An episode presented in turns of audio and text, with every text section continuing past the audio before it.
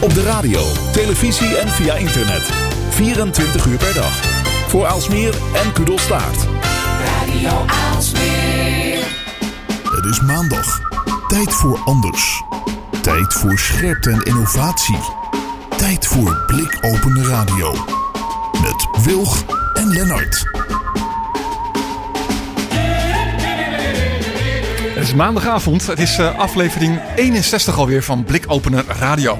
Mijn naam is Lennart Bader. En vandaag zou uh, Linda Nieuwhuizen onze gast zijn om te praten over innovaties binnen Centraal Beheer.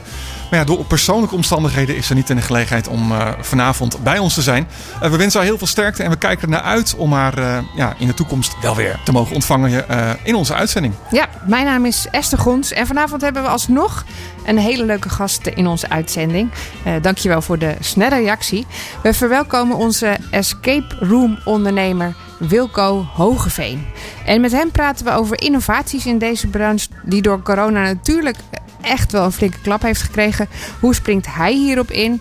Uh, samen met eventuele andere uh, escape room collega's. En, en wat zijn dan de ontwikkelingen of de vooruitzichten? We praten er straks met hem verder over. Ja, heel erg benieuwd naar. En natuurlijk ook in deze uitzending onze columnist uh, Jillis Groenendijk. En hij heeft uh, erg zijn best gedaan en hij neemt ons mee uh, in de emotionele achtbaan waar hij in terecht kwam toen het Twitter-account van zijn tweelingzoons werd geband. Nou, daar ben ik wel benieuwd naar, want hij heeft daar ook flink research naar gedaan. Ja. ja, ik ben heel benieuwd waar hij mee komt, dus dat, dat horen we straks. Ja. nou, ik bespreek mijn blikopeners van de afgelopen week. En dan uh, sluiten we de uitzending uh, af met onze columnist Dimitri Vleugel, het DIM. Ja, hij gaat ook uh, nieuwtjes bespreken voor ons. We gaan, het is een klein beetje verrassing waar hij het over gaat hebben. Um, genoeg redenen al met al om te blijven luisteren naar Blikopener Radio. Ben je nog niet geabonneerd op de podcast? Nou, zoek dan gewoon op Blikopener Radio in iTunes of Spotify. Of ga naar blikopener.radio. Mooi. Nou, en zoals gezegd in onze uitzending de gast ook vanavond, Wilco Hogeveen. Wilco, goedenavond. Goedenavond. Via Skype, uh, live vanuit Kudelstaart dit keer. Ja, ja, net gerend uit de bouwmarkt. Als het ergens nog wel druk is, dan is het daar. Ja. net op tijd. Ja. Nee, wat, wat, wat goed. Wat fijn dat je uh, inderdaad zo last minute uh, onze gast uh, wil zijn vanavond. Um, um, altijd een beetje standaard eerste vraag. zonder dat je alles meteen al weggeeft. Wie ben je, wat doe je? Uh, ik ben uh, Wilco. Ik uh, heb Turf Aalsmeer gestart in Aalsmeer. Dat is nou, het makkelijkste noemen een escape room. Maar het is net even iets anders. Het is voor meer mensen en is het lasergamen in verwerkt. En nou ja, zie het als een leuk uitje voor grote groepen. Een leuk uitje voor grote groepen. Nou, dat klinkt sowieso ja. interessant. Um, en als je, wat is je achtergrond? wilde je vroeger altijd al escape room eigenaar worden? Of wat... wat Nee, nee, ik wilde vooral ondernemer worden. Dus het maakte me de branche maakte me niet zo heel veel uit. Maar ik heb het later wel teruggeredeneerd dat ik altijd showtjes voor mijn ouders ging opbouwen. Met licht en geluid en roken en weet ik wat ik allemaal kon vinden in huis. Dus ik had altijd wel het mensen entertainen en een leuke tijd beleven erin zitten. Maar dat, die klik is later pas uh, gekomen. Ja. En dat gecombineerd met ondernemen. En, en dat ondernemen, ja. uh, kom je uit een ondernemende familie of juist helemaal niet? Nee, nee juist helemaal niet. Nee, nee, mijn vader heeft het ook een aantal jaar lang uh, ontraden om te gaan ondernemen. Hou maar zekerheid vast. Nu met de coronacrisis denk ik, nou, was best leuk geweest misschien om een vast contract te hebben. Maar nee, ik ben in principe een uitzondering in de familie. En dan, dan ook meteen gaan ondernemen, ondernemen in de hè, toch evenementenbusiness vanwege die showtjes. Daar, daar, sprong je dan toch ook wel op iets heel nieuws in met, uh, met uh, uh, een escape room-achtige omgeving. Ja, ja, geen idee wat je kon verwachten. En het is ook eigenlijk de minst zekere branche. Want het is echt iets wat mensen doen als ze geld en tijd over hebben. Uitjes beleven. Maar het pakte heel goed uit tot dit jaar. Tot, tot dit jaar. Ja, want dat, jij was ook nog vrij vroeg al met, met een escape room. Hè? Dus dat is natuurlijk ook iets wat, wat op een gegeven moment in opkomst was. Dus, uh, nou ja, er begonnen er twee, geloof ik, uh, in Nederland. Hoe kwam je bij dat, bij ja. dat idee? Is dat iets wat je al wel, wel al eerder zag? Of was je... Nee, ik heb begrepen dat de eerste in 2013 geopend is. Dus dat voelt inmiddels alweer als een tijdje. Maar voor een branche is dat niet zoveel. Als je bedenkt dat er alweer duizend kamers zijn of zo inmiddels. Da ik heb een paar wacht Du duizend kamers? Ja, nou, er zijn er ook alweer een paar gesloten, kan ik je vertellen inmiddels. Maar uh, er waren er ongeveer... In Nederland? Duizend, uh, ja, in Nederland. En niet ondernemingen, maar kamers. Dus sommige ondernemingen hebben drie, vier kamers ja, of zo. Ja. Maar duizend verschillende kamers ongeveer, ja. Wauw. Ja, dat is wel maar ik heb veel. een paar gespeeld uh, toen. En toen dacht ik, hey, vind ik leuk. Misschien kan ik dat zelf ook wel bouwen. Maar dan wilde ik net even iets anders. Ja, misschien kan je het beter, dacht je. Ja, nou ja, in ieder geval unieker. Dus dat je bij mensen terug kunnen komen en dat je met grotere groepen kan komen. Want in een escape room zit je maar met vier, vijf, soms zes personen. En ik wilde gewoon dat je met meer mensen langs kon komen. Met meer mensen en ook iets wat je vaker dan één keer kan doen. Ja, ja, het is meer een soort bordspelletje in het groot. Met wel escape room elementen. Een stukje ontsnappen, een beetje puzzelen, een beetje goud zoeken, een beetje schieten. Maar meer ook competitie onderling en dan tegen elkaar. En dan eh, als je het spel goed door hebt, kan je nog een keer terugkomen. Kun je je score verbeteren. Ja, ja. dus dat was al vernieuwend. Uh, maar nu ben je verplicht weer uh, om te denken. Ja, dat uh, was vrij pijnlijk. Het waren misschien wel de drukste maanden ooit. En toen, nou ja, we, zijn een nieuwe branche en we vallen ook nergens echt onder. Dus het was ook heel onduidelijk wat we nou wel en niet nog moeten doen, moesten, mochten doen. Ik heb gehoord van een ondernemer in dezelfde branche van de week dat de gemeente tegen hem heeft gezegd van nou, voor families had je helemaal nooit dicht gehoeven eigenlijk met terugwerkende kracht. Nou ja, daar heb je achteraf niks aan, want alle escape, uh, escape rooms zijn gewoon dichtgegaan uh, uh, in dat weekend dat maatregelen werden aangekondigd voor de horeca. Want ja, anderhalve meter in een escape room is echt wel heel lastig aan te houden. En het is een bijeenkomst voor mensen. Ja, dat mag ook niet. Nee, of een evenement. Hè? Je kan natuurlijk onder van alles schaden. Ja, nou ja onduidelijk. Dus het was nergens geen letterlijke branche voor. Maar het was, nou goed, we hebben onze eigen verantwoordelijkheid maar genomen. Heel goed. Dus gesloten. Ja. ja. Maar goed, dan, dus toen dachten jullie van nou, dan moeten we gaan omdenken. Ja, en toen hebben we in mijn geval in ieder geval, uh, we hebben een, een WhatsApp-groep met, het waren toen 130 verschillende escape room-eigenaren volgens mij in die groep. En um, daarin hebben een aantal mensen geroepen van, uh, hey, kunnen we niet iets samen gaan doen nu met corona? En dan puur uit, uh, nou ja, bijna hobbyproject, zeg maar. We hebben allemaal creatieve mensen. Kunnen we niet iets leuks bieden, zodat we wel onder de aandacht blijven bij onze potentiële doelgroep. Maar ook gewoon even iets leuks bieden. Gewoon een gratis spelletje. Misschien kunnen we ze over onze websites laten dwalen. Met een puzzeltje per website, zeg maar. En dat is uitgegroeid tot een, uh, nou ja, een spel wat je nu bijna tot 12 uur kunt spelen. Een gratis online escape room. Wat we hebben gebouwd in anderhalve week met 18 verschillende escape rooms. Wacht even, tot 12 uur kunt spelen. Een spel van 12 uur ja. lang bedoel je dus? Ja, dat bedoel ik. Dat bedoel ik. Ja, niet tot 12 uur s avonds kunt spelen, maar nee? het duurt gemiddeld een 12 uur. uh, nou ja, ja. Ja, het is een vrij lang pittig spel geworden, maar dat krijg je als 18 eigenaren allemaal hun eigen puzzeltje erin willen bouwen. en dus, dus het is een, een, spel geworden waar jullie met z'n allen aan hebben gewerkt. Uh, is dat iets wat ja. je alleen kan doen? Is, moet dat met een team? Uh, nou ja, dat wat je wil. Dus er zijn mensen die spelen het alleen. Dan zit je eerder aan die 12 uur, denk ik. Er zijn ook teams die zijn heel fanatiek. Die krijgen het in 3 à 4 uur gedaan. En die gaan dan via Zoom of Skype, uh, hebben ze contact met elkaar. Zodat je samen puzzels kunt oplossen. Dat helpt vaak natuurlijk wel. Ja. Uh, dus nou, je kan het zelf indelen zoals je wil. En dat bieden jullie nu voor al jullie uh, nou ja, volgers eigenlijk uh, gratis aan op de websites van al jullie. Ja, het, het was uh, gewoon een probeerseltje. We hebben onszelf een, een, naam gegeven, een samenwerkingsverband en een, een website online gegooid. gratis dus, een gratis spel. Met wel donatiemogelijkheid aan het eind, zodat we misschien nog wat eraan konden overhouden. En dat gewoon alle 18, alle 18 bedrijven, 25 man, allemaal gedeeld op Facebook en social media. En nou ja, daar kwamen best wat mensen op af. Inmiddels hebben we bijna 100.000 spelers gehad op die op dat spel. Wauw. En, en ook donaties hoop ik, want ja, de schoorsteen moet ook, ook ergens van roken, denk ik dan, toch? Ja, nou ja, dat is niet uh, significant, zeg maar. Maar nee. het, is wel, uh, het was natuurlijk vooral bedoeld om uh, onder de aandacht te blijven. En dat die mensen hopelijk ook echt bij onze 18 kamers langs gaan komen als we weer open mogen. Um, maar goed, de kosten zijn eruit en het was in ieder geval heel erg leuk om te doen. Dus dat is het belangrijkste. Hm. En, en, en mogelijk nieuwe samenwerkingen misschien wel. Ja, en ook gezien dat er dus wel potentie zit in ook online de ervaring van een escape room uh, aanbieden. Dus inmiddels zijn er ook alweer nieuwe, uh, ofwel subprojectjes of uh, met onze hele groep nieuwe projecten gestart, nieuwe online escape rooms gebouwd. En dat kan op zich, kan je dat natuurlijk blijven doen. Ook na corona, online escapen is ook leuk vanuit huis. Ja, ja, want dat wilde ik ook vragen. Hè? Hier heb je hier nou dingen van geleerd die je nu straks kan toepassen uh, bij je eigen bedrijf. Of, uh, ja. of, of het omdenken van je eigen bedrijf.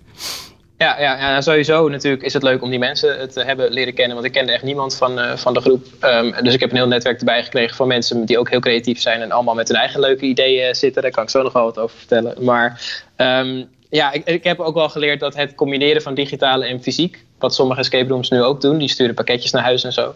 Dat dat ook wel heel erg leuk kan zijn. Dus een escape room is eigenlijk een hele fysieke, analoge ervaring. Wat voortgekomen is uit een digitaal spelletje ooit. Ja. Dus we hebben juist iets digitaals uh, fysiek gemaakt. En nu is dat fysieke is weer digitaal gemaakt in online escape rooms die we nu hebben ontwikkeld. Maar er zit ook een, een, een, ja, een mogelijke hybride variant in, wat wel heel interessant is. Van hoe kun je dingen laten opzoeken, of uh, augmented reality of virtual reality, in je fysieke kamer. Of misschien in meerdere fysieke kamers en dat samen laten werken. Of nou ja, de mogelijkheden zijn eindeloos, eigenlijk. Is, is dit net, je noemde net even iets als AR en zo. Ehm, eh, zijn jullie daar serieus mee bezig? Is, is zijn er technieken die je nu denkt van, nou, maar dit, dit is een perfect moment om zoiets nieuws zeg maar, in mijn kamer te introduceren of in mijn spel te doen? Of hoe gaat dat? Ja, ik zelf niet zo. Ik vind het nu een beetje eng om te investeren, omdat ik nog steeds niet weet wat corona precies doet. Dus dan investeer ik liever in dingen waarvan ik zeker weet dat kan in met of zonder corona werken, zeg maar. Ja. En dan augmented reality, dat zijn natuurlijk ook brillen die je echt op je hoofd zet. Dus dat is ook weer een stukje hygiëne, moet je continu schoonmaken. Het is super duur om te ontwikkelen. Die brillen zijn super duur. Dus ik geloof wel um, met bijvoorbeeld je telefoon of met je tablet, uh, augmented reality apps, dat dat in een kamer leuk kan zijn, maar past bij mij niet in mijn thema. Dus ik ga er zelf uh, nog niks mee doen. Nog. Begrijpelijk. Nog, nog niks, nee. Maar goed, Nog je had het net nee. over initiatieven van anderen. Daar, daar weet je nou ook wat, eh, wat meer over.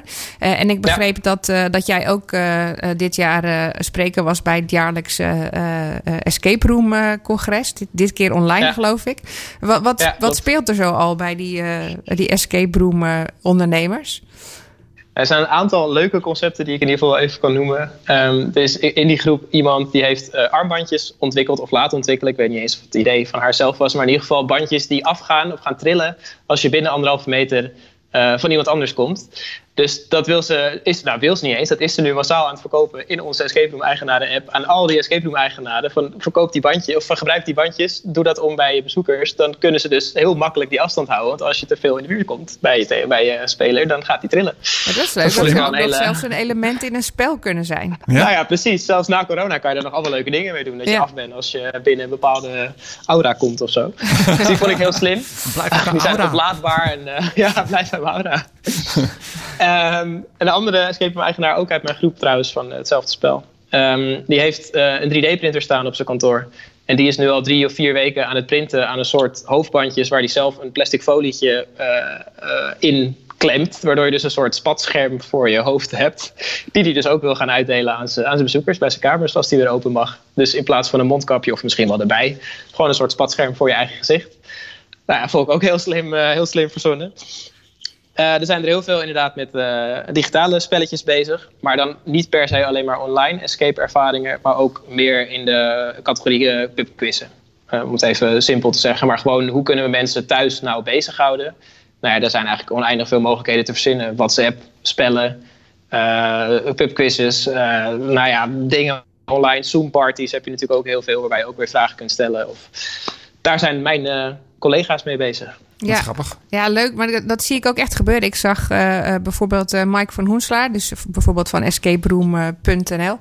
Eh, die is dan bezig om bijvoorbeeld weer rallies, hè, dus met auto's, en escape rooms te combineren. Zodat je twee teams kan hebben, elke keer een eigen auto, die dan door een stad iets moeten oplossen of doen. Of, je kan natuurlijk van alles bedenken aan combinaties om, om toch weer ja, vermaak te creëren voor mensen. Ja, ja, precies. Ja, en Mike heeft ons ook heel veel geholpen als, als onderneming, of als groep, zeg maar, maar ook binnen de branche. We hebben geen brancheorganisatie, maar eigenlijk is hij dat wel een beetje. Heeft hij allemaal ideeën eh, gestuurd naar eigenaren van, nou, weet je wat je kan doen nu? Je kan eh, dingen op je website verstoppen en daar een puzzeltje van maken. Je kan een online escape. Nou goed, hij heeft allemaal suggesties gegeven, dat is wel heel fijn.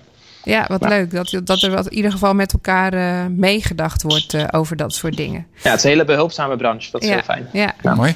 Ik kan me ook heel goed voorstellen dat, ehm, dat, dat, dat viel me ook op trouwens met, met eh, getargete Instagram advertenties die je kreeg. Hè, dat nu opeens zeg maar eh, bepaalde beroemde of misschien wat, wat eh, bekende escape rooms in andere landen, die gaan ook allemaal online. En, en dan kun je dus Ja. ook zeg maar in het buitenland een spel spelen. Dat, dan denk je op zich van, oh wauw, dat is dus heel gaaf. Maar het kan ook concurrentie zijn. Of, hoe, hoe kijken jullie daar tegenaan? Wat, wat is daar het, het, het ding in? Ik, ik kreeg wel uit Oost-Europa gewoon spellen. ons, eh, ja, nee, dat kan. We hebben ons eigen spel ook Engels gemaakt met deze hoop. We denken de hele wereld zit opgesloten. Dus waarom zouden ze ons spel niet in eh, nou ja, Polen of zo spelen? Ehm, die loopt nog niet zo heel hard. Want het nadeel is natuurlijk dat we daar geen netwerk hebben. Dus je moet wel op een of andere manier daar onder de aandacht zien te komen. Ehm, dus dat, dat zijn we nog een beetje aan het plannen hoe we dat goed kunnen gaan doen. Ja, ook een beetje die- rekening houden met onze servers. Ik was, en toch die, die Instagram-advertenties, dat, ja, dat Ja. kost dan weer geld natuurlijk ook. Dat is wel jammer. Nou ja, precies. En Ja. nou, met een gratis spel is dat toch wel weer tricky. Dus we Ja. proberen dat op een leukere manier. eh, het is natuurlijk een mooie samenwerking. Dus heel veel media in Nederland hebben gratis eh, ons opgezocht. En we hopen dat in het buitenland ook te kunnen bereiken. Maar wat we wel ook hebben gedaan. Ik heb een, eh, een escape room online gespeeld. In de zin van een fysieke escape room. Met iemand die daar met een camera op zijn buik rondloopt. Om nou ja, mij dingen te laten uitvoeren op afstand. Wauw. Ehm, dat doen ze ook uh, internationaal. Dus in Amsterdam zijn er ook een paar escape rooms die ook gewoon hun spel in het Engels aanbieden. En dus kun je vanuit Rusland, uh, 12 uur s'nachts, nou dat zal misschien niet kunnen, maar in ieder geval wanneer je wil, ook uh, iemand die kamer in kunnen sturen met een Zoom-verbinding op zijn buik. En dan gewoon maar vertellen: doe dat kastje maar open, probeer deze code is. het is wel iets fancier dan dat hoor. Je krijgt ook een website waar je echt de puzzels digitaal voor je krijgt en zo. Maar nou ja, dan speel je dus die kamer alsnog vanuit je huis. Ja, dus, dus, dus die combinaties eh, online, offline, die worden aan alle kanten ingezet om te kijken, nou, hoe kunnen we hier nou iets, iets nou weer iets nieuws van maken eigenlijk. 360 graden camera's worden ook veel gebruikt. Virtual reality ook een beetje, maar dat is wel weer een flinke investering. Maar fysieke kamers eigenlijk weer digitaal maken, voor zover dat kan. Ja. En, en heb jij ook al voorbeelden van, uh, je zei ook, dat je kan dingen opsturen en dan uh, toch met, met wat online mogelijkheden. Heb je daar ook voorbeelden van? Ja, ik heb niet een specifiek spel, trouwens wel. Ik heb ook een specifiek spel in gedachten. Die heb ik ook gespeeld. Um, waarbij je heel veel. Uh, het was echt een pakketje wat je thuis gestuurd kreeg. Met, met wat, uh, nou ja, wat spulletjes die zogenaamd dan van een persoon waren. Uh, van die dogtags vanuit het leger. En een, een kaart. En een, een aanzichtkaart. En een, touwtje. Ik weet het allemaal niet meer. Um, maar je moest het oplossen in combinatie met Google Maps, Google Street View. Um, nou ja, noem nog een paar van dat soort websites. hier en daar heen mailen of bellen. Dus je moest echt dingen doen op je computer, maar je had ook fysieke spulletjes voor je neus. Klinkt gaaf. Dus dat we. Een soort combinatie tussen de echte wereld en, uh, uh, en zo'n spel. Ja, zo zie je dat het ja, toch is eigenlijk... is om, om heel snel eigenlijk iets aan te passen aan, aan een nieuwe wereld. Ja, ja, klopt. Maar het is wel zo, dat sommige bestonden ook al. Je hebt bijvoorbeeld ook Creamybox, dat, dat je echt een moordzaak moet oplossen. Dan krijg je ook een pakketje thuis gestuurd. Maar moet je wel ook heel veel op je computer doen. Alsof je echt een detective bent met een USB-stick en videobeelden bekijken en websites bezoeken en weet ik veel wat. Dat was er al. Die hebben zwaar geprofiteerd van, uh, van de coronacrisis. Maar er zijn ook heel veel spellen in korte tijd um, door andere eigenaren uit de grond gestampt. Ja en neergezet. Hey, en, en, en neergezet, ja. En Wilco, eh, jij hebt natuurlijk nu heel veel geleerd, maar eh, wellicht mag je straks ook weer een beetje, beetje open. Uh, hoe, ga je daar, hoe ga je daar mee om? Heb je heb je, je, je kamer aangepast? Uh, wat, wat voor dingen moet jij nu veranderen? Ja, nou het is, uh, ik hoop uh, heel veel op vanavond. Ik weet niet eens hoe laat eigenlijk. Maar um, de gemeente heeft tegen mij gezegd... Uh, we weten pas meer als de, de maatregelen voor 1 juni bekender zijn. Want ze vinden mij onder binnensport vallen. Dus buiten mag ik al dingen doen. Maar buiten heb ik nog niks. Dus daar heb ik ideetjes voor. Maar ik vraag me af of ik daarmee op tijd ook echt iets neer kan, kan zetten.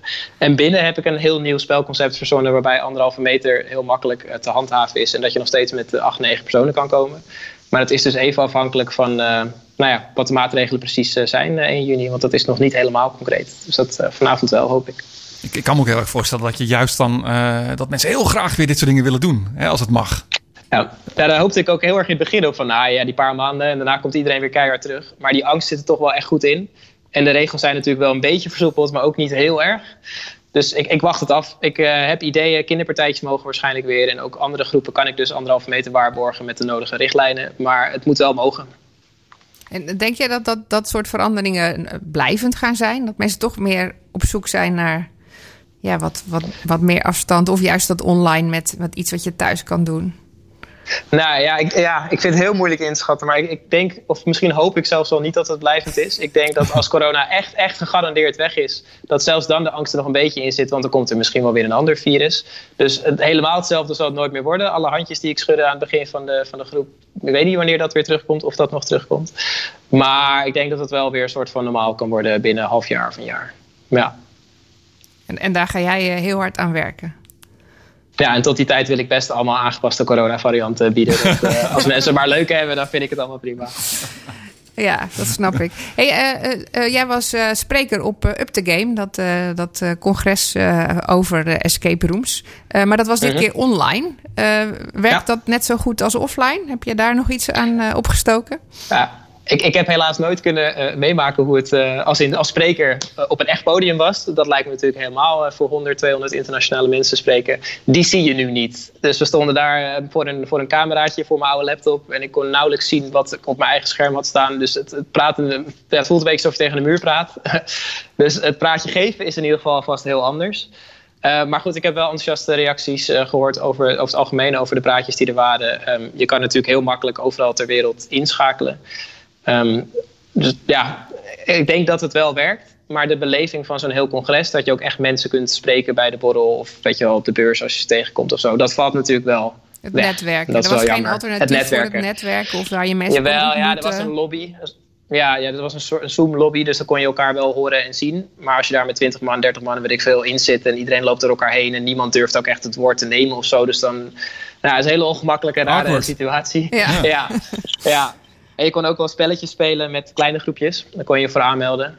En dus ik heb ook een andere online escape room gedaan met een paar onbekende mensen. En dat was wel grappig ook om te doen. Maar het is ook niet echt een netwerkgelegenheid of zo. Het is, ja, nee, het is het, is het net niet dan. En werden er wel vragen gesteld aan het eind van jouw praatjes dan? Was daar wel de kans voor?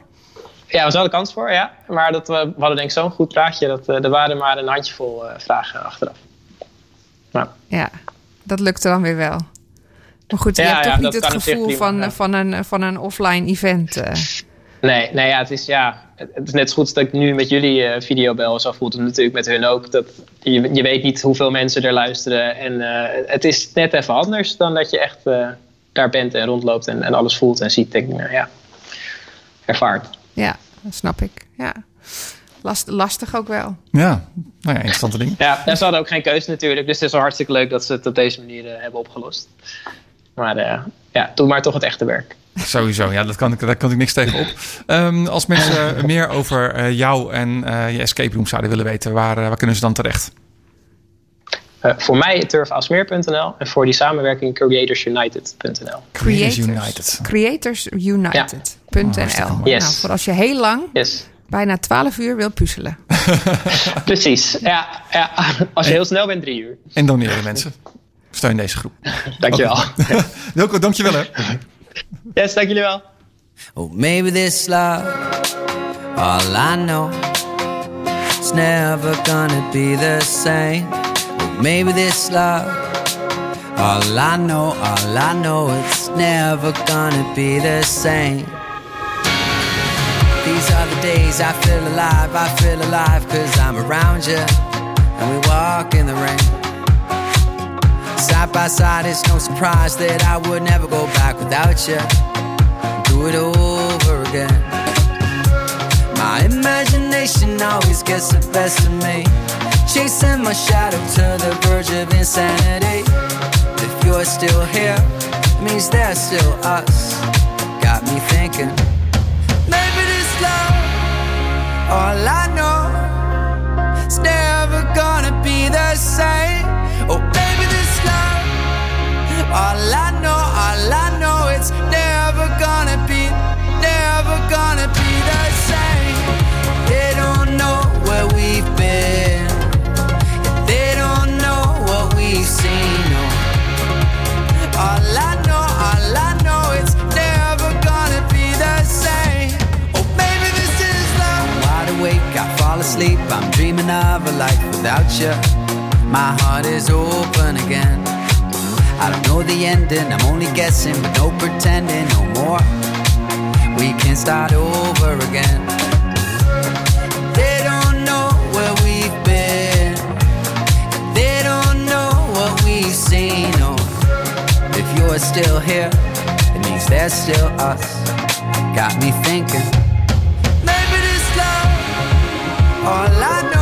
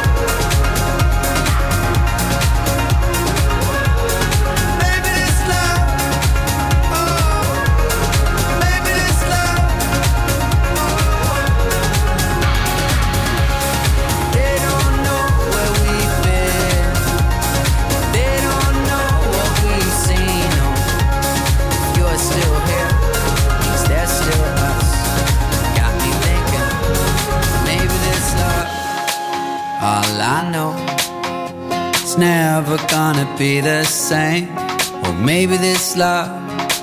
All I know, all I know, it's never gonna be the same. Maybe This Love van een Chef Special bij Blikopener Radio aflevering 61 alweer. En eh, we schakelen over naar columnist Jelle Schoenendijk. Je was nog even met je haar bezig, zag ik, maar dat... eh Ja, dat ik was een uh, kattenoortjes aan het indoen, maar dat uh, maakte te veel herrie. Dus dat gaan we toch maar niet doen. Nee. Nou, jij had een, een, een, heftige eh, emotionele rollercoaster, begrepen we. Een emotionele rollercoaster. Dus als je niet tegen eh, hoe heet dat, straftaalgebruik kan, eh, kan, moet je eventjes je oren dicht houden.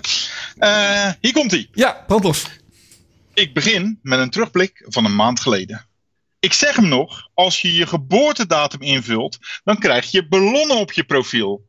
Famous last words. Ja, dat doe ik zo, wel zegt Jurre terwijl hij naar boven gaat om te gamen.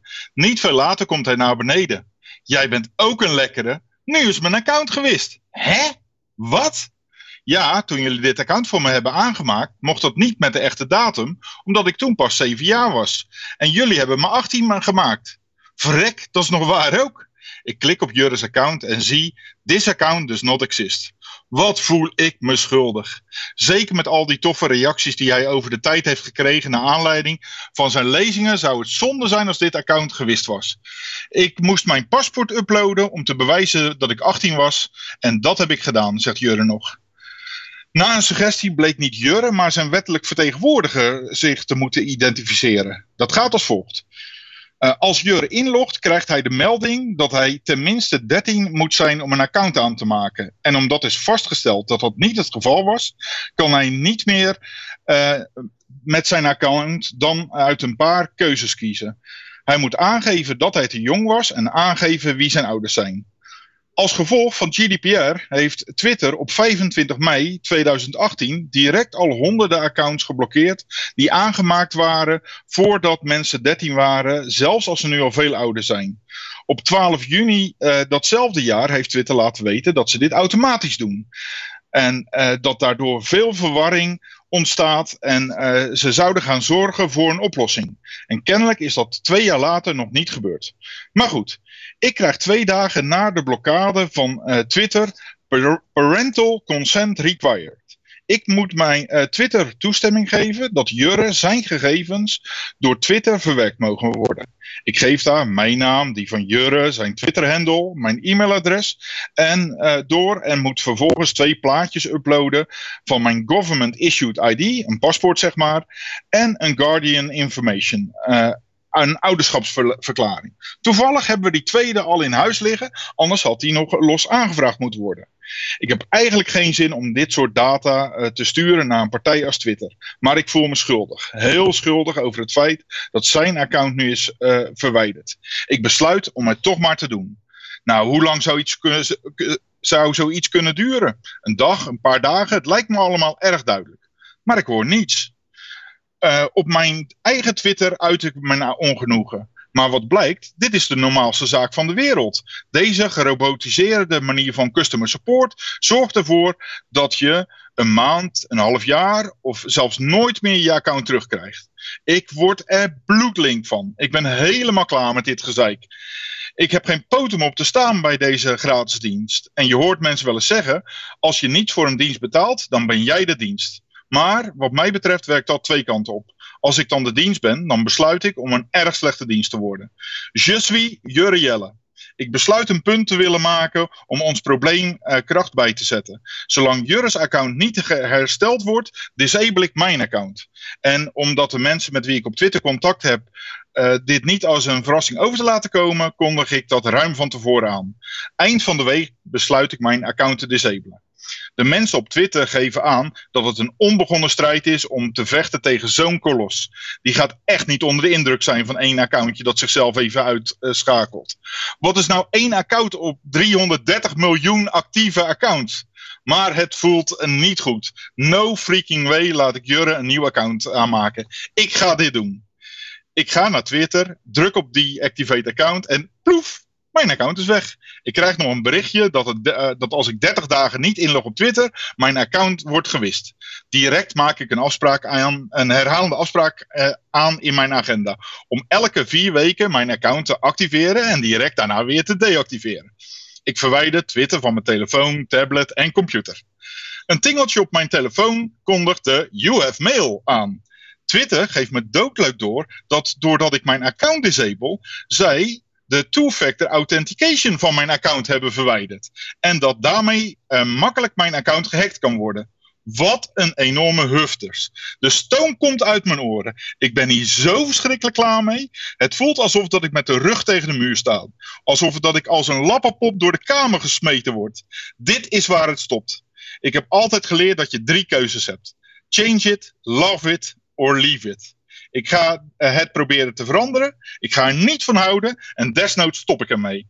Als eerste vraag ik mijn Twitter-archief op. Binnen korte termijn krijg ik een zipbestand binnen van uh, bijna 2 gigabyte met mijn Twitter-data. Zodra ik dat binnen, ben, uh, binnen heb, ga ik op zoek naar een oplossing om mijn oude tweets te verwijderen. Die blijkt er te zijn. Tweetdelete.net. Mooi, dat scheelt weer scriptjes bouwen. bouwen. Door de API-limieten van Twitter duurt het een paar dagen voordat ik in batches al mijn tweets ver verwijderd heb.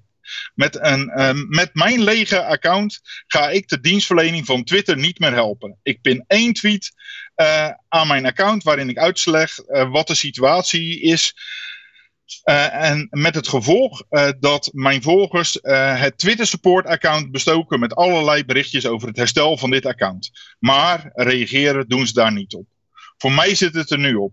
Ik blijf weg van Twitter. Laat ze eerst maar het account van Jure herstellen. Eén dag later niet. Twee dagen later niet.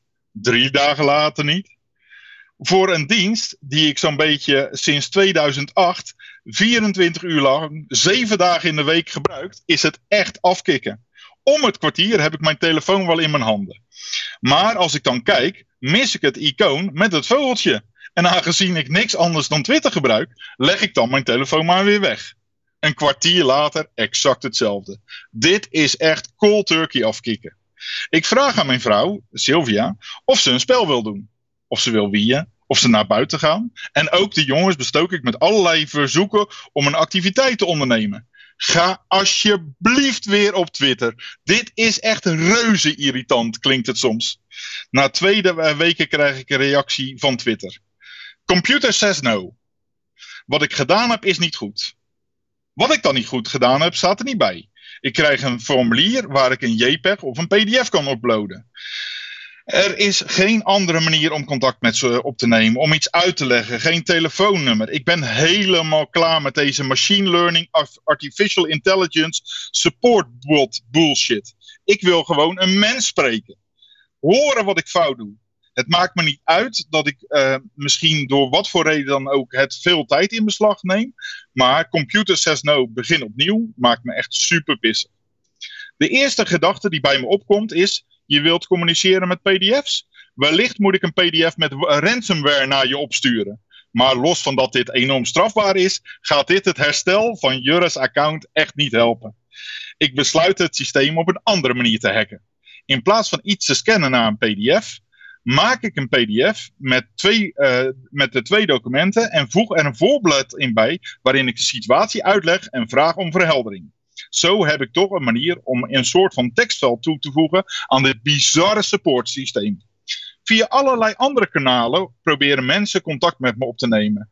Ze vinden het tof vanuit het perspectief van een vader die zijn zoon probeert te helpen, maar verzekeren me dat het geen enkele eh, zin heeft. Twitter zal nooit gaan zwichten. Zelfs Puur belt me nog. Uh, ik heb mezelf meer met deze actie dan Twitter. En ja, dat is absoluut waar. Veel van mijn contacten lopen via Twitter. Ik heb geen Facebook of LinkedIn. En de stickeractie die ik gestart heb, ligt nu ook helemaal stil. Ik besluit uit verveling dan maar een Instagram-account aan te maken. Vanuit security hoor ik dat dat stom is. Want Instagram is van Facebook. Terwijl je niemand hoort over het feit dat Twitter op 8 april de privacyopties zo heeft aangepast dat het adverteerders automatisch jouw data krijgen. Dat kan je niet uitschakelen zoals voorheen. Een uitzondering hierop is de Europese Unie vanwege diezelfde GDPR. Het maakt daarom niet uit of dat je te maken hebt met Facebook, Twitter, Apple, Google, Amazon of Microsoft. Ze zijn allemaal even evil als het gaat om het gebruik van jouw data. Je kan best een voorkeur hebben voor de een of de ander, maar ontkennen dat jouw partij ooit zoiets uh, zou doen is een beetje gek. Ik ben dankbaar voor de GDPR, die erop toeziet dat de eerder genoemde partijen zich moeten houden aan bepaalde regels. Toch hoor ik een hoop mensen klagen want volgens hun zeggen zorgt GDPR ervoor dat terroristen, drugsdealers, pedofielen niet kunnen worden gepakt. En twee dagen geleden meldden de burgemeesters Breunus van de Weert van Nunspeet en Eddie Bilder van Zwarte Waterland dat de, persoons, uh, dat de privacywet leidde tot extra coronadoden. Stemmingmakerij en totale onzin. Autoriteit persoonsgegevens heeft al aangegeven dat hier niets van klopt. Maar als je maar met genoeg van dit soort koppen in de krant komt, uh, beïnvloed je vanzelf de publieke opinie om ons door wetten gesteund uit een vals gevoel van veiligheid dan maar te laten volgen, uh, traceren en in kaart te brengen. Tijdens de laatste corona-apps uh, maakte ik de, de sarcastische opmerking dat onze bewegingsdata al bij de telecomproviders lag. Dat wordt bijvoorbeeld gebruikt in het geval van een Amber Alert, een noodmelding, een sporenonderzoek. En in Amerika is die data gebruikt om de bewegingen van de bezoekers in Tampa Beach te volgen. Op 7 mei gaf Hugo uh, de Jonge aan dat er een wetswijziging komt om de telecomdata in te zetten in de strijd uh, tegen COVID-19. T-Mobile heeft in een eerder stadium wel contact gehad met het ministerie, maar wilde de data alleen overhandigen als de overheid kon garanderen dat de locatiedata alleen voor het corona-onderzoek zou worden gebruikt. En bijvoorbeeld niet om te kijken of dat mensen zich aan de maatregelen houden. Die garantie kreeg de provider niet. Autoriteit persoonsgegevens heeft vooralsnog geen toestemming gegeven. Ik ben blij dat er een onafhankelijke partij is die dit soort zaken in de gaten houdt. En dat we niet een samenleving met superapps van de overheid, zoals Ed Sander vorige week in de uitzending beschreef. Maar goed, ik zat op Instagram. En wat ik daar uh, merkte, is dat veel mensen hun, Insta, uh, hun account inmiddels al aan de wilgen hadden gehangen. Het voelt een beetje als de begintijd van Twitter. Een soort uh, knusse uh, groep van mensen.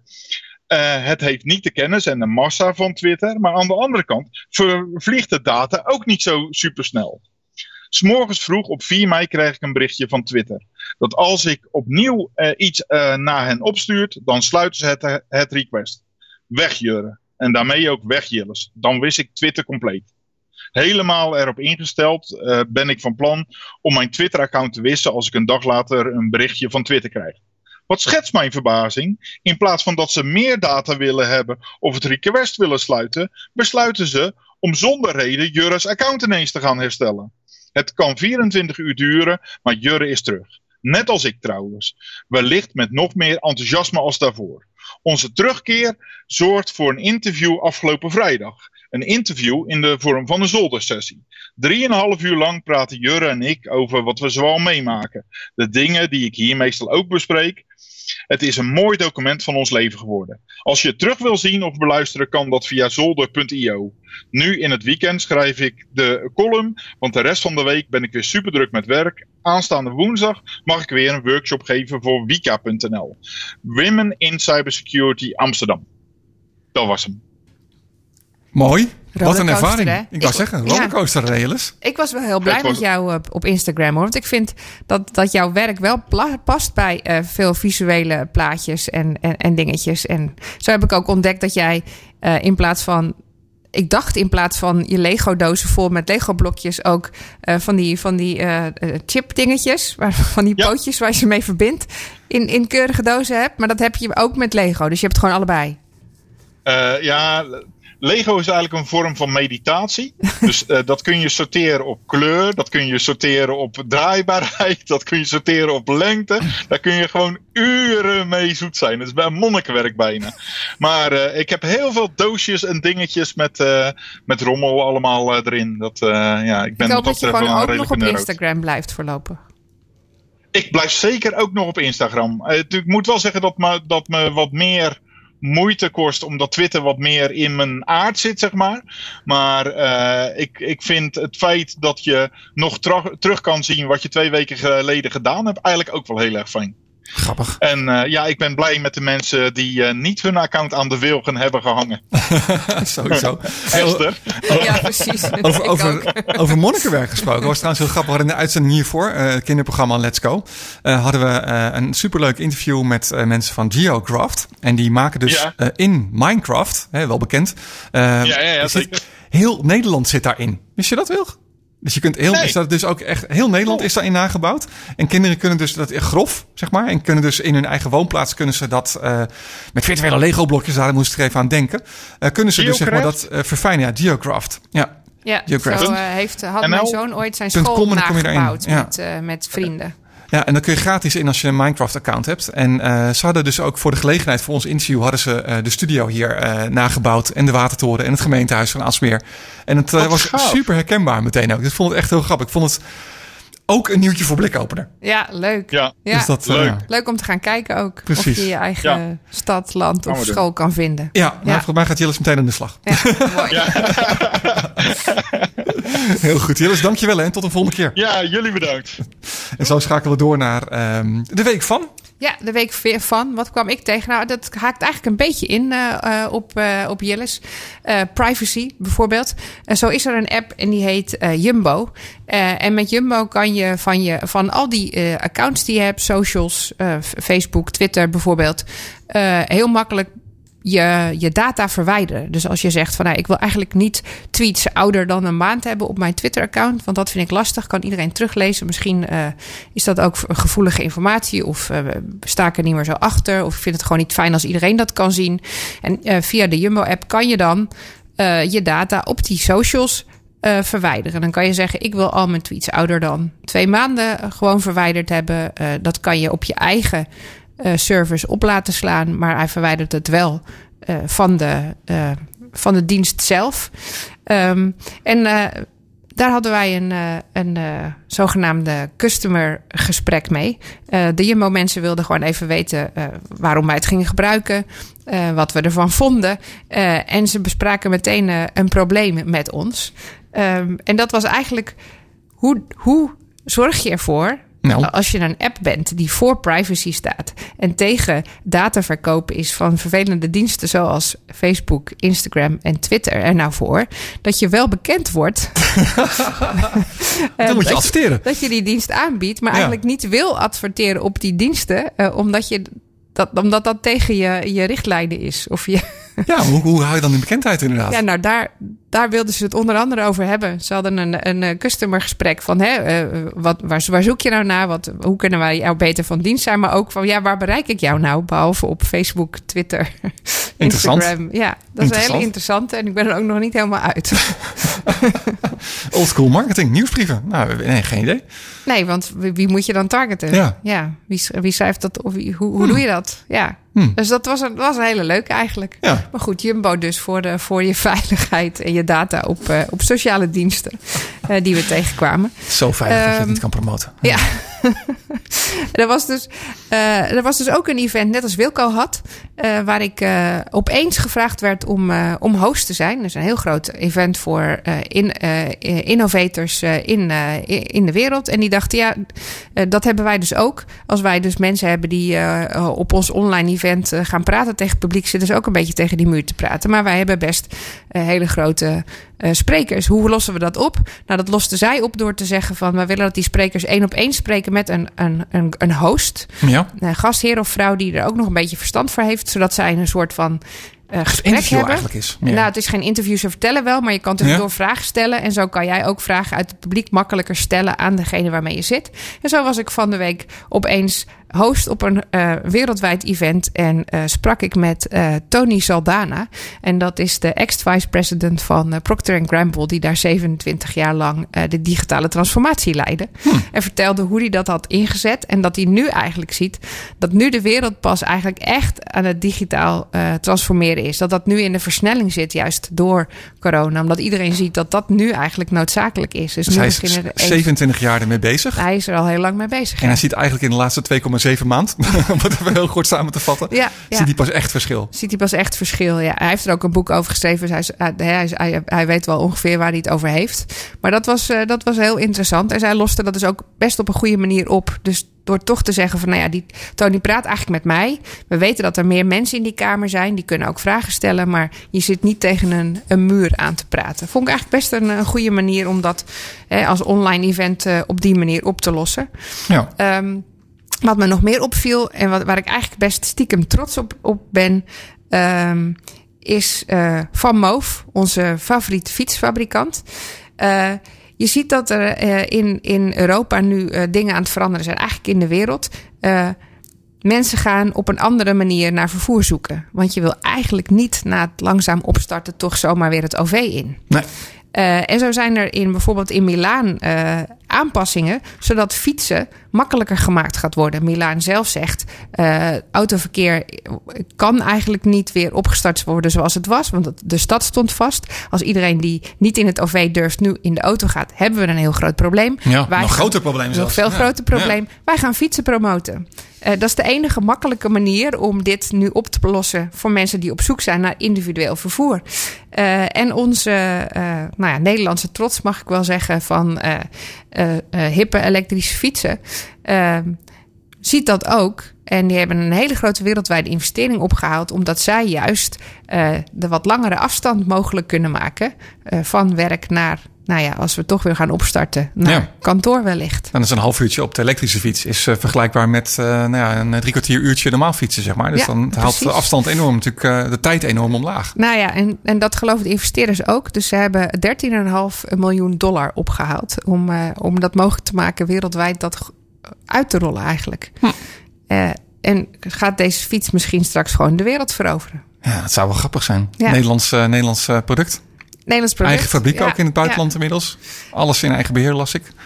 Alles in eigen beheer, ja, maar wel een, een, een, een eigen fabriek. Ja. Eh, en dat deed me er ook aan denken ehm, hoe dat nou moet met die kantoren die, die straks weer opgestart gaat worden. Daar hoor ik al een beetje eh, eigenlijk eh, dingen over. Eh, en daar had ik eh, ja, met mezelf eigenlijk een, een mini-gesprekje over, eh, of onder andere om eh, LinkedIn Stories te testen. Want LinkedIn eh, kwam met stories. Dus dacht ik, laten we, laten we eens testen of dat op LinkedIn anders werkt dan op al die andere platforms. Ehm, en had ik een beetje een. een ja, ik, ik zag namelijk dingen voorbij komen. We gaan weer eh, kantoren opstarten. Dus we Mhm. mogen langzaam weer beginnen naar kantoor te komen. En dan heb je natuurlijk kantoren die dan zeggen: ja, dan mogen we met minder mensen komen. We moeten met hygiëne rekening houden. Maar je hebt ook kantoren die zeggen.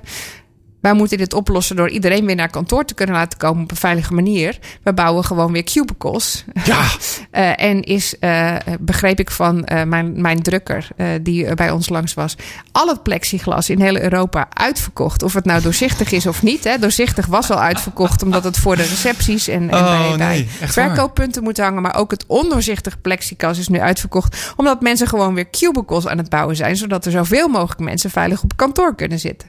Terwijl je volgens mij je moet afvragen moet je wel op Dat- kantoor zitten. nou ja, dat thuiswerken en Ja. het online werken. Moeten we niet naar een hele andere manier gaan van waar heb je het kantoor nog voor nodig? En welke dingen doe je wel op kantoor? En welke dingen kan je juist heel goed online in een conference call en een videocall doen? Ja. En mensen gaan het, het vertrouwen is nu als het goed is gewonnen dat mensen prima thuis kunnen werken. Precies. In een heleboel Ja. gevallen, niet in alle beroepen natuurlijk. En En dus hoe maak je dan je kantoor nu eigenlijk future-proof? Om Ja. erover, en, en denk erover na. Hè? Wat, wat moet er dan wel? Welke dingen kunnen juist nu online? En trek je nu naar thuiswerken toe? En welke dingen heb je wel het kantoor nog wel voor nodig? En gaat het dan juist helemaal anders inrichten? En wat heb je afgelopen periode geleerd van waarbij het juist niet werkt dat je moet teleconferencen of thuiswerken of dat soort dingen? Dat kun je Precies. natuurlijk juist wel weer pakken. Ja. Dus dat is ook alweer grappig. Dus eh, nou goed, daar, ik denk dat mensen daar heel erg over na moeten denken. Ja. Dat we, hoe gaan we dan dat kantoor nu eh, wel inrichten en future-proof maken? Waar hebben we het nog voor nodig? En, en hoe, hoe richten we het dan anders in? ja. Interessant. Hmm. Tot zover de week van. De week van Wilg. Blikopener Radio. En zo schakelen we door naar eh, onze afsluitende columnist van vanavond. Eh, Dimitri Vleugel. Dim, goedenavond. Hallo allemaal, hoe is het daar? In Asmeer is het uitstekend. Goed zo, goed zo. Ehm, hier is het ook goed. Ik heb het echt waanzinnig druk. Wat echt, eh, ik schaam me bijna om te zeggen tegenover al die mensen die niks te doen hebben met de coronacrisis. Maar ik, ik, ik, ik kom om in het werk.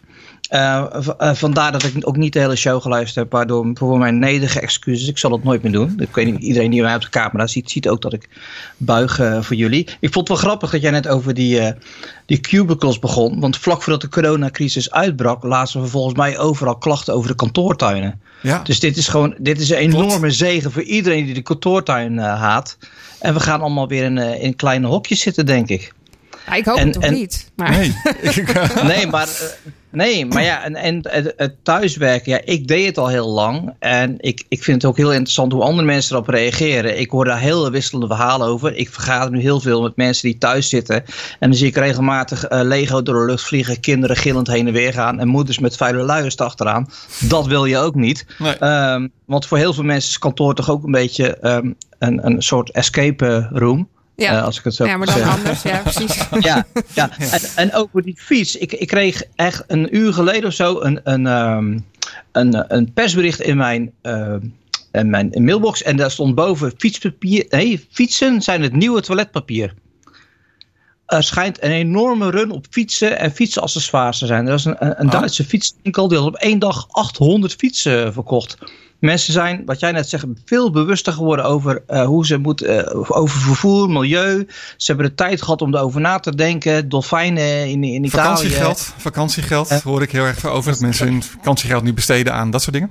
Ja, ja maar er schijnt een enorme run op fietsen te zijn. En dat, dat zie je in de reclameblokken ook wel trouwens. Dat Batavus en dergelijke daar heel veel in, eh, in, in investeert. En dat vind ik een, eh, ik vind het een mooie, een mooie ontwikkeling. En eh, die van Move trouwens, ik heb de Bright video gezien over die S3 van, van, van Move. En ik was inderdaad wel onder de indruk. En waar ik helemaal van onder de indruk ben, is dat die fiets gewoon 1400 euro goedkoper is dan zijn voorganger Ja. echt bizar. Maar dat schijnt te komen dat ze een eigen fabriek eh, gekocht hebben. Ja, waardoor ze niet meer afhankelijk zijn. eh. maar kun je nagaan hoe, hoeveel. Hoe, dat is 1400 euro. Dat is, dat is echt bijzonder veel geld, vind ik. Zeker. Dan is je nog steeds eh, 2200 euro, geloof ik, die fiets. Ja. wat wel- 2000, ja. Ja. Ja, Ook een klein beetje jammer als je net de vorige gekocht hebt voor het oorspronkelijke bedrag. Dan is het natuurlijk wel in één Ja, keer heel erg gedevalueerd. Dat is dan ook weer niet zo goed. Maar ja, ik snap het punt wel. Ja. Ga je in een hoek- hoekje zitten huilen, denk ik dat Nee, dat. ja. eh, ja. Maar ja, of je Oh, blijft er gewoon van genieten, want hij rijdt nog steeds Precies. even goed. ja, hij dus is nog steeds net zo goed. Ja, dat is waar. Ja.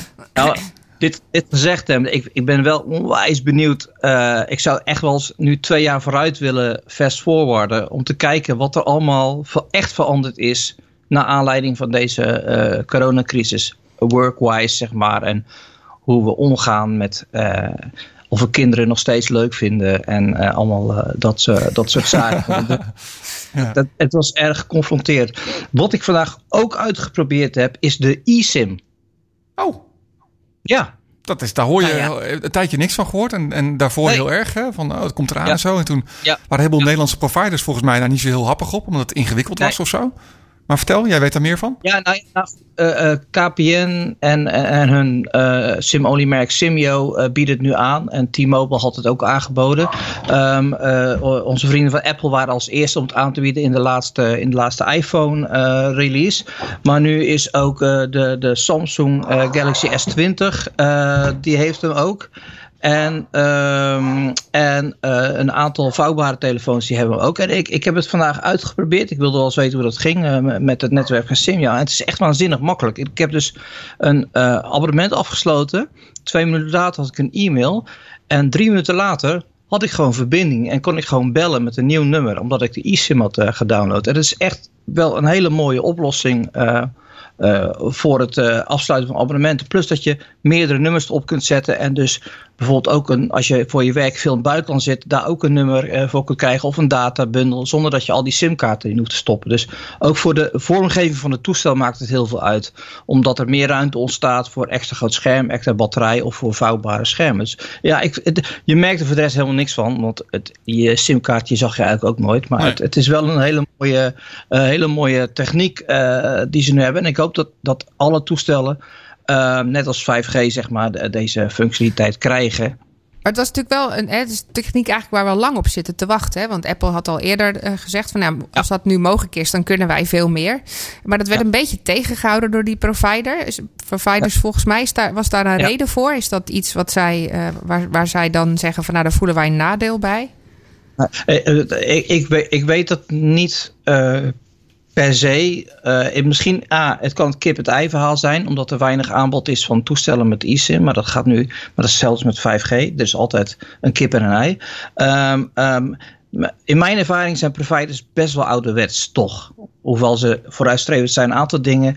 En zijn ze misschien bang dat ze grip op eh, de klant eh, verliezen, omdat het zo makkelijk is om straks over Ja, te stappen. Dat heb ik ook gehoord. Ja. en klik, klik, klik. En, en ik kan me dat wel voorstellen. Zo'n simkaartje is toch een, een, een vast binding. fysiek Ja. Ja, ja. fysieke binding. En eh, ik denk dat, dat ze daardoor minder happig waren op dat, eh, op dat eh, proces. En ik denk ook dat, hoe makkelijk het ook is, dat je in je backend ook heel veel moet veranderen om, om dit mogelijk eh, te maken. Ehm, eh, want als mensen straks heel veel gaan wisselen, brengt dat ook best wel veel.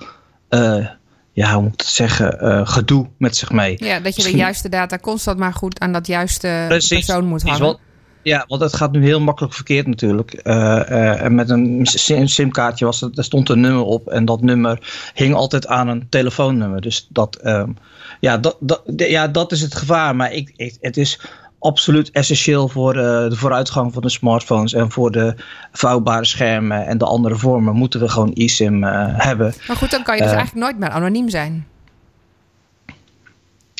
Ik zie leg natuurlijk- eens uit. Nou ja, goed, die telefoons waar je dan zo'n anonieme nummerkaart in stopt. eh, en dan. eh, Ja, dat, dat hangt ja, nu precies. altijd aan de persoon eigenlijk.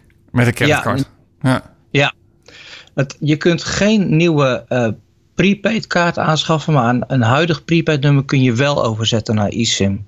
Maar het is wel beter geregistreerd inderdaad. Dus de Lebara kaartjes die, over de, over, die uitgedeeld werden, dat zal, dat zal een stuk minder worden. Dus ehm, ik denk dat het wel de nekslag is voor die telefoontjes van 15 euro eh, die eh, bepaalde lieden gebruiken. De zogenaamde burnertjes. eh, Ja. La- Laat ik hopen, want dat, dat is allemaal wat, wat minder. Ehm, ja, het laatste heel kort. eh eh Giphy, Giphy, Giphy Ja. eh, is opgenomen door, eh, door Instagram. Ik, ik, ik ga niks zeggen over privacy of, en dergelijke. Maar eh, ik vind het wel de absolute teleurgang eh, van het originele Instagram. Waar we eigenlijk ze al heel veel plezier van gehad hebben. En ik denk nu definitief dat Instagram het nieuwe Facebook eh, is.